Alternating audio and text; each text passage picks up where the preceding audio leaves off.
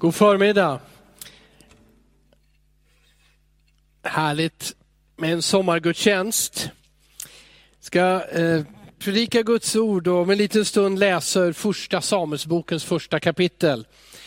En titel på den här predikan kan vara Segrande bön ger ett segrande liv. Segrande bön, seger i bönen ger seger i livet. Det börjar alltid med bön. Framgång i Guds rike kommer inte genom våra talanger, det kommer inte genom hårt arbete först och främst, utan det kommer genom bön. Jag kommer gå till ett exempel, en kvinna i gamla testamentet, hon hette Hanna, mor till Samuel, som blev en stor ledare, en profet, en domare i Israel under den så kallade domartiden, alltså efter att Mose och Josua både hade lämnat över ledarskapet och dött och innan den tid då Israel blev ett kungarike med Saul, David och Salomon. Det där mellanrummet i, i tiden så var Samuel ledare eller domare som det heter. Första Samuelsboken berättar framförallt om hans liv, det som skedde under hans livstid. Ehm, och det börjar med den gripande berättelsen om en barnlös, djupt sorgsen, lidande kvinna. Hon var hustru till Elkana och hon hette Hanna. Hon har fått ett vackert namn. Det betyder eh, nåd, det betyder vacker, det betyder lycka. Men de där första åren, utav, i alla fall utav äktenskapet, eh, så är, upplever hon precis motsatsen till det. Istället för nåd så, så upplever hon skam, mobbing. Eh, hon, eh, istället för lycka så är det ofruktsamhet och mycket tårar. Men just Hannas exempel visar att ett, ett segrande liv, ett, ett framgångsrikt eller lyckligt liv kommer ur segrar som vinns i bönen. Att bedja som hon, det är att stanna inför Herren eller stanna i hans närhet. Det är att en sån bön är inget distanserat förhållande till en dömande, sträng, svårbegriplig Gud. Utan den uttrycker å ena sidan en desperation efter helande och hjälp. Men också så uttrycker hennes bön en, en, en het, brinnande tro på Guds godhet, Guds nåd och Guds makt att gripa in. Vi ska läsa första Samuelsboken kapitel 1, vers 1 till 20 för att få den här berättelsen. I Ramatayim Sofim i Efraims bergsbygd bodde en man som hette Elkana. Han var son till Jeroham, son till Elehu, son till Tohu, son till Suf, en Efraimit. Elkana hade två hustrur. Den ena hette Hanna och den andra Penina. Penina hade barn, men Hanna hade inga. Elkana gav sig år efter år iväg från sin stad för att tillbe och offra åt Herren Sebaot i Kilo, där e- Elis båda söner Hofni och Pinehas var Herrens präster. Den dag Elkana bar fram sitt offer brukade han ge sin hustru Penina och alla hennes söner och döttrar var sin del av offret. Men åt Hanna gav han en dubbelt så stor del, för han älskade henne även om Herren hade gjort henne ofruktsam. För att provocera henne brukade hennes rival retas mycket med henne. Därför att Herren hade gjort henne ofruktsam. Detta pågick år efter år. Varje gång Hanna gick upp till Herrens hus retades Penina med henne på samma sätt. Nu grät Hanna och ville inte äta. Då sade hennes man Elkana till henne, Hanna varför gråter du? Varför äter du inte? Varför är du så ledsen? Är inte jag mer, än, inte jag mer för dig än tio söner? När de hade ätit och druckit i Kilo reste sig Hanna och gick till Herrens tempel, där prästen Eli satt på sin stol vid dörren. Hon var djupt bedrövad och började be till Herren under häftig gråt. Hon gav ett löfte och sa, Herren Sebaot, om du vill se din tjänarinnas lidande och komma ihåg mig och inte glömma din tjänarinna utan ge henne en son, då ska jag ge honom åt Herren för hela hans liv och ingen rakkniv ska röra hans huvud. Medan hon bad länge inför Herren iakttog Eli hennes mun. Hanna talade nämligen i sitt hjärta och bara hennes läppar rörde sig, men hennes röst hördes inte. Då trodde Eli att hon var berusad. Därför sa han till henne, hur länge ska du bära dig åt som en berusad? Se till att eh, göra dig av med vinet. Nej, min herre, svarade Hanna. Jag är en hårt prövad kvinna.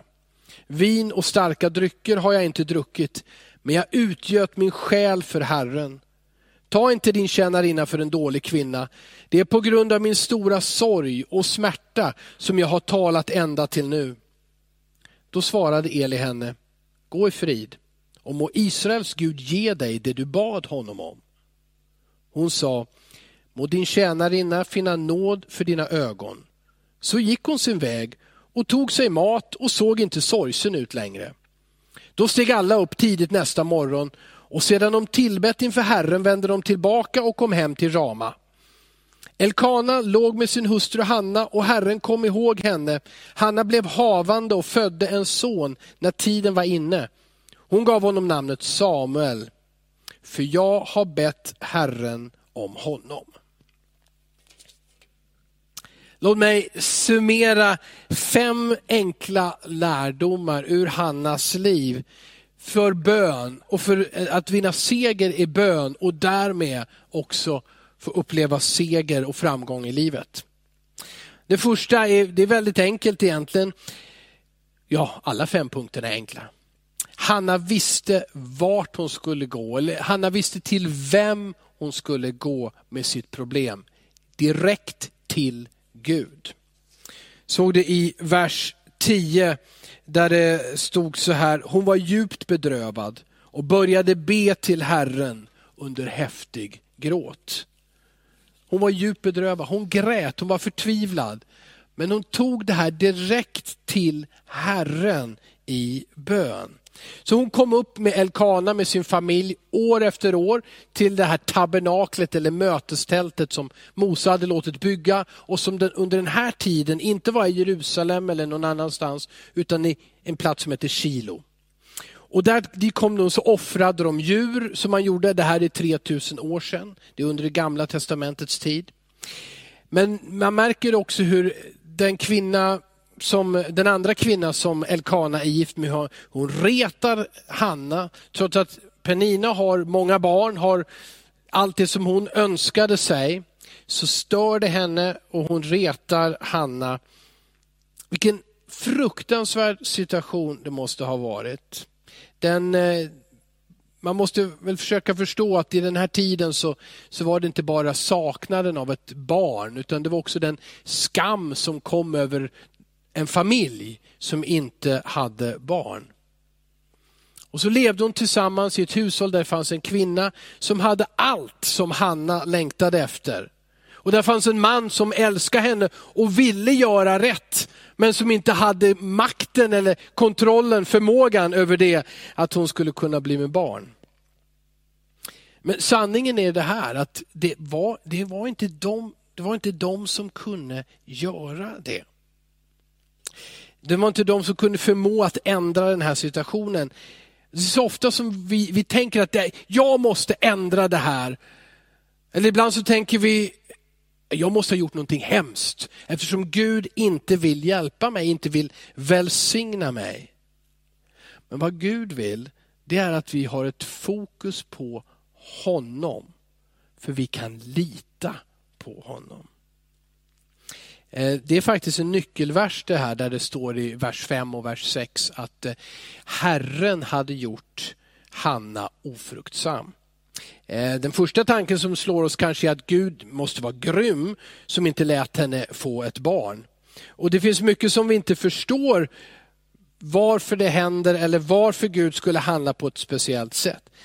Men, och även om vi inte ser att hans plan är på gång, så kan vi lita på i alla lägen att Gud har en plan. Han gjorde det då för Hanna, han gör det nu. Hans timing, Guds timing är alltid perfekt. Samuel som blev den ledare han blev. Han behövde födas i just den här tiden. Inte tidigare, inte senare. Hanna behövde ha den här unika beredskapen att säga, Gud om du ger mig en son, då ger jag honom till dig. Då ska han få växa upp i tabernaklet eh, med prästerna. Gud hade en timing som gick långt utöver, och en plan som gick långt utöver att bara låta Hanna få det hon längtade efter och behövde. Hanna visste till vem hon skulle gå och det gjorde hon. Hon tog sina problem till Gud i bön. Det vi också ser det är att trots smärtan och trots brustenheten som den här kvinnan måste ha känt så litade hon på Guds nåd och hon litade på Guds förmåga att hjälpa henne. Det stod så här i vers 11. Hon gav ett löfte och sa, Herre Sebaot, om du vill se till din tjänarinnas lidande och komma ihåg mig och inte glömma din tjänarinna, utan ge henne en son, då ska jag ge honom åt Herren för hela hans liv. Hanna visste att Gud kan göra under. Hon visste att han var den enda som kunde svara på hennes böner. Och hon var verkligen en bedjande kvinna. Och Det här var inte en liten enkel gullig bön, ge mig ett barn. Det här var både ett heligt moment som vi läser om, det var en öppenhet, en förtvivlan, djupa, djupa, djupa känslor av ångest och rädsla. Hon, det står att hon utgöt sin själ inför Herren.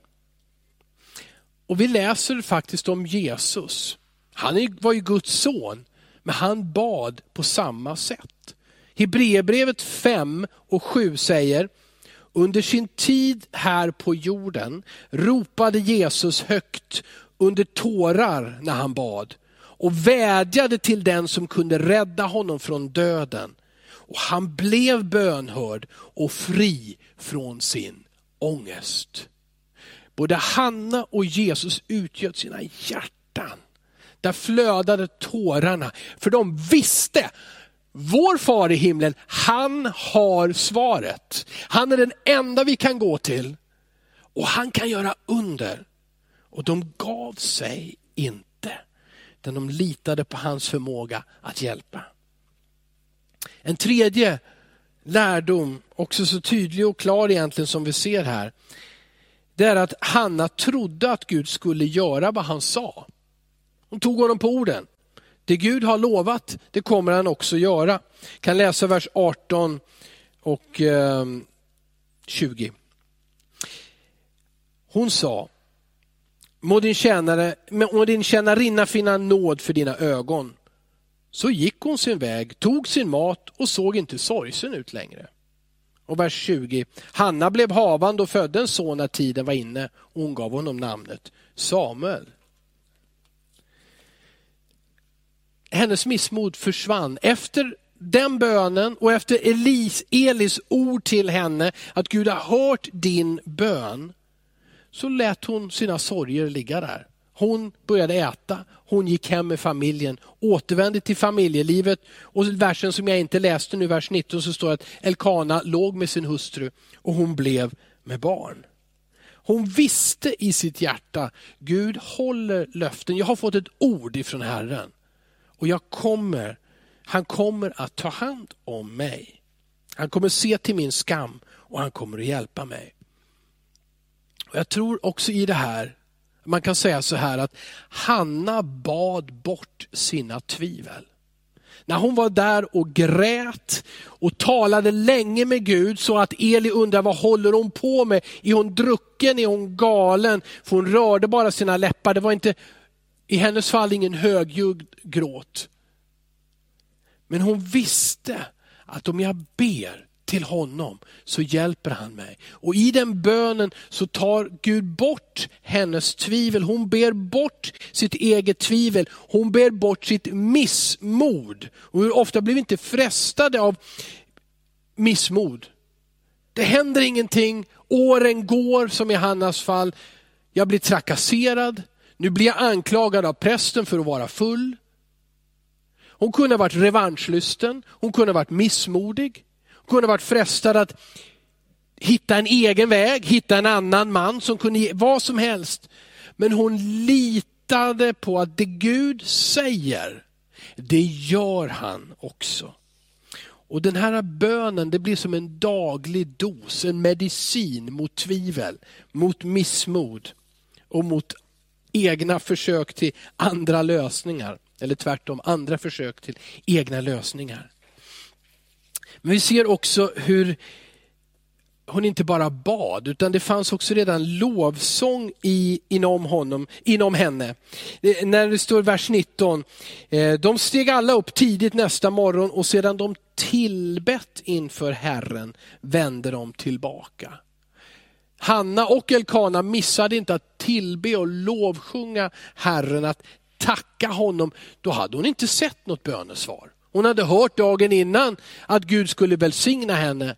Men det var fortfarande väldigt långt till ett barn i hennes mage.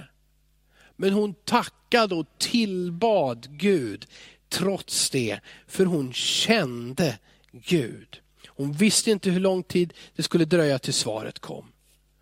Hebreerbrevet 11 och 6 som ju talar om de här människorna i gamla testamentet och kallar dem för trons hjältar. Där står det så här i Hebreerbrevet 11 och 6. Utan tro är det omöjligt att behaga Gud. För den som kommer till Gud måste tro att han finns och att han lönar dem som söker honom. Hanna trodde på Guds löfte. Vi behöver tro på Guds löften, ta honom på orden. Och en del i det som sker när vi ber, det är att vi ber bort tvivel. Vi citerar Guds ord, vi ber Guds ord, vi tar vara på de löften som vi har i Bibeln och vi ber. Och det tar bort tvivlet och missmodet, revanschlusten, frestelserna ur vårt hjärta. Och vi kan lita på honom. Men när vi tar de nästa två punkterna som jag också kort vill ge er, så läser vi lite till eh, resten av kapitlet i första Samuelsbok, från vers 21 ner till vers 28. När sedan Elkana med hela sitt hus gav sig iväg för att offra sitt årliga slaktoffer och sitt löftesoffer åt Herren, gick inte Hanna med utan sa till sin man, jag vill vänta tills pojken är avvand då ska jag ta med honom och föra fram honom inför Herrens ansikte och sedan låta honom stanna där för alltid. Hennes man Elkana sa till henne, gör vad du finner bäst. Stanna du tills du har avvant honom, må bara Herren uppfylla sitt ord. Så stannade hustrun hemma och ammade sin son tills hon hade avvant honom. När hon hade avvant honom tog hon med honom till Herrens hus. Hon tog också med sig tre tjurar, en efa mjöl och en lägel vin och förde honom in i Herrens hus i Kilo. Pojken var då ännu helt ung. De slaktade tjuren och förde sedan fram pojken till Eli. Hon sa, hör på mig min herre. Så sant du lever min herre, jag är kvinnan som stod här bredvid dig och bad till Herren. Den här pojken bad jag om och nu har Herren gett mig vad jag bad om. Därför vill jag nu ge honom tillbaka till Herren. Så länge han lever ska han tillhöra Herren. Och de tillbad där. Det fjärde som vi lär, lär oss av Hanna, det är att hon höll sin del av dealen med Gud. Det som hon lovade. Hon visade trofasthet och styrka att göra vad hon, vad hon hade lovat. hon följde noggrant Guds plan. Bibeln talar inte här om alla de känslor som hon måste ha känt, men det här måste vara ofattbara känslor, en inre kamp att ha ett enda barn efter många år av att inte ha fått barn och så kanske det här barnet är tre år gammalt och så nu överlämna det till någon annan att uppfostra och vägleda det barnet. Men hon måste också ha trott djupt i sitt hjärta att Gud har en större plan. Ja, han ville ge mig det jag längtade efter. Men Gud har en plan. Han har en plan med min son, med mitt barn. Och därför så litar jag på Gud. Därför ber jag till Gud. Och vi läser senare i kapitel 2 hur, hur hon återkom och besökte och såg till att det fanns kläder. Vi såg alla gåvor utav mat och offer som hon hade med i början. Hon fortsatte att be för sin son. Men hon litade på, det finns ett större syfte, Gud har en plan med min son. Och jag litar på att Gud är kärleksfull. Han kommer att beskydda och hjälpa mitt barn. Hanna visste att i bönen finns det en oerhörd kraft. Hon visste att det, i väntandet på bönesvar, på att Gud ska gripa in, så finns det ett syfte. Hon visste att det finns en välsignelse som kommer att möta hennes längtan. Gud låter aldrig vår smärta och vår brustenhet ha sista ordet med i spelet. Aldrig låter han brustenhet och smärta säga det allra sista. Utan det är hans vilja att välsigna den som tror på honom. Att välsigna oss. Till och med när, när situationen är som värst så vill han välsigna mer. Nu är det så att bönesvaren och välsignelsen ser ibland annorlunda ut än vad vi tänker oss. Men när vi går igenom kriser så kan vi vara säkra på att vår tro, vår uthållighet växer genom kriser. Vår karaktär formas i tuffa tider. Och Gud, han vill utgjuta sin ande och sin nåd över oss när vi behöver honom som mest. Allra sista jag vill säga, punkt nummer fem ur Hannas liv och hennes bön, är att hon tackade och prisade Gud för vad han hade gjort och för vem han är. Det finns en rörelse ifrån sak till person. Tack Gud för vad du har gjort, till tack Gud för vem du är. Jag läser de här två verserna, första verserna i kapitel 2. Hanna bad och sade, mitt hjärta fröjdar sig i Herren. Mitt horn är upphöjt genom Herren. Min mun är vidöppen mot mina fiender, för jag gläder mig i din frälsning. Ingen är helig som Herren, för ingen finns utom dig. Ingen klippa är som vår Gud. Ser hur hon börjar med att tacka Gud för vad han har gjort för henne. Han har upprättat henne. Han har gett henne värdighet, kärlek och jag ska väl kanske lägga till att även det i kapitel 2 så står det att senare så gav, fick hon fem barn tre söner och två döttrar och fick ett välsignat liv. Och den son som hon gav till Herren växte till att bli en profet och en ledare för hela Israel. Men den lovsång och den tacksamhet som hon ger uttryck för, det går just ifrån att tacka för saker som Gud har gjort till att prisa honom för den han är. Och utan att slå upp Lukas eh, evangeliet i Nya Testamentet, men det finns stora likheter mellan Hannas bön som följer här i flera verser med den som Maria bad när hon väntade på på att barnet i hennes mage skulle födas. Hon visste också i tro, det ser vi Maria, att det barn som hon har i sin mage, det är Guds Messias, Jesus Kristus. Och jag tror att Gud såg de här två kvinnorna, mycket utsatta kvinnor, Hanna för 3000 år sedan, Maria för 2000 år sedan. Och han talade direkt till dem, till deras hjärtan. Till dessa två troende kvinnor, till dessa två bedjande kvinnor. Att ur deras graviditeter och svåra, svåra omständigheter så skulle det födas barn, i det här fallet två söner, som skulle förändra samhälle, nationer och världen till denna dag. Samuel och Jesus. Samuel som sagt, jag har väl sagt det flera gånger, han blev den största domaren i Israel. Han var präst, han var profet, han var rådgivare. Och Det som är speciellt också i den här berättelsen, det är att Samuel var den som så småningom skulle smörja David till kung. Och när man följer släktträdet så ser man hur David var en förfader till kungars kung, Jesus. Och avslutningen på Hannas bön i vers 10, och står det så här. Herren dömer jordens ändar och ger makt åt sin kung. Han upphöjer sin smordes horn. Det var inte tal om någon kung här. Det var enkla Hanna och Elkana och deras son Samuel. Men hon talade profetiskt.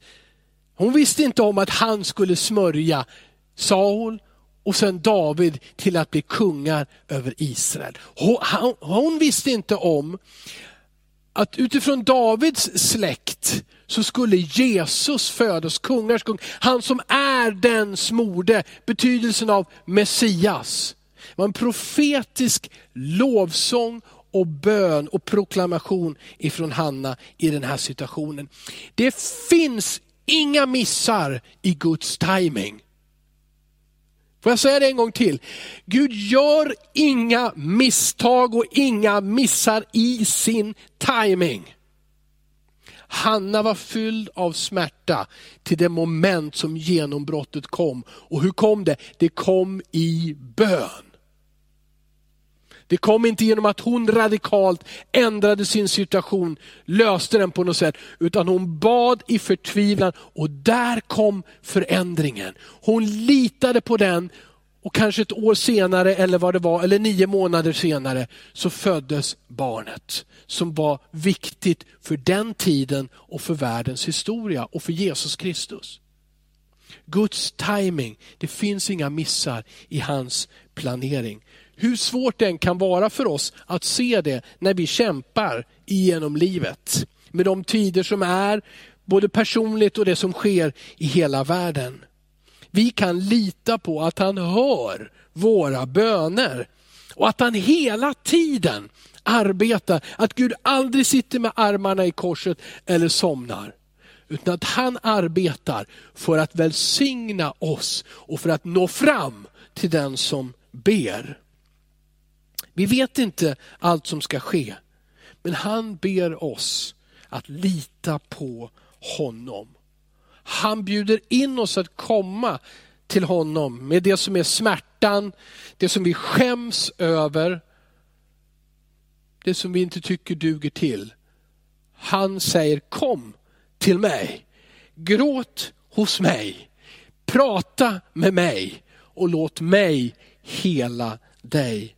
Vi kan lita på honom, att han aldrig vänder sig bort ifrån oss. Hon sa att Gud är min klippa. Det finns ingen Gud som Herren. Vi kan lita på honom. I en värld som förändrar sig, i en värld som är stressig, i en värld som är svår att förstå, där ingen av oss kan förutsäga vad som ska hända imorgon eller nästa vecka eller om ett år. Vi väntar på utvecklingen, på, försöker anpassa oss efter de nya besked som kommer. Men Gud är densamme och det säger Hebreerbrevet om Jesus, Guds son. Jesus Kristus är densamme igår, idag och i evighet. Han förändras aldrig. Så även om allting ändras runt om oss så kan vi lita på honom. Och han är god och han är trofast oavsett vad det är som möter oss. Be till honom.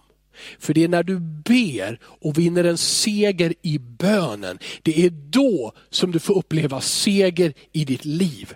Det är en bedjande församling, en kyrka som beder.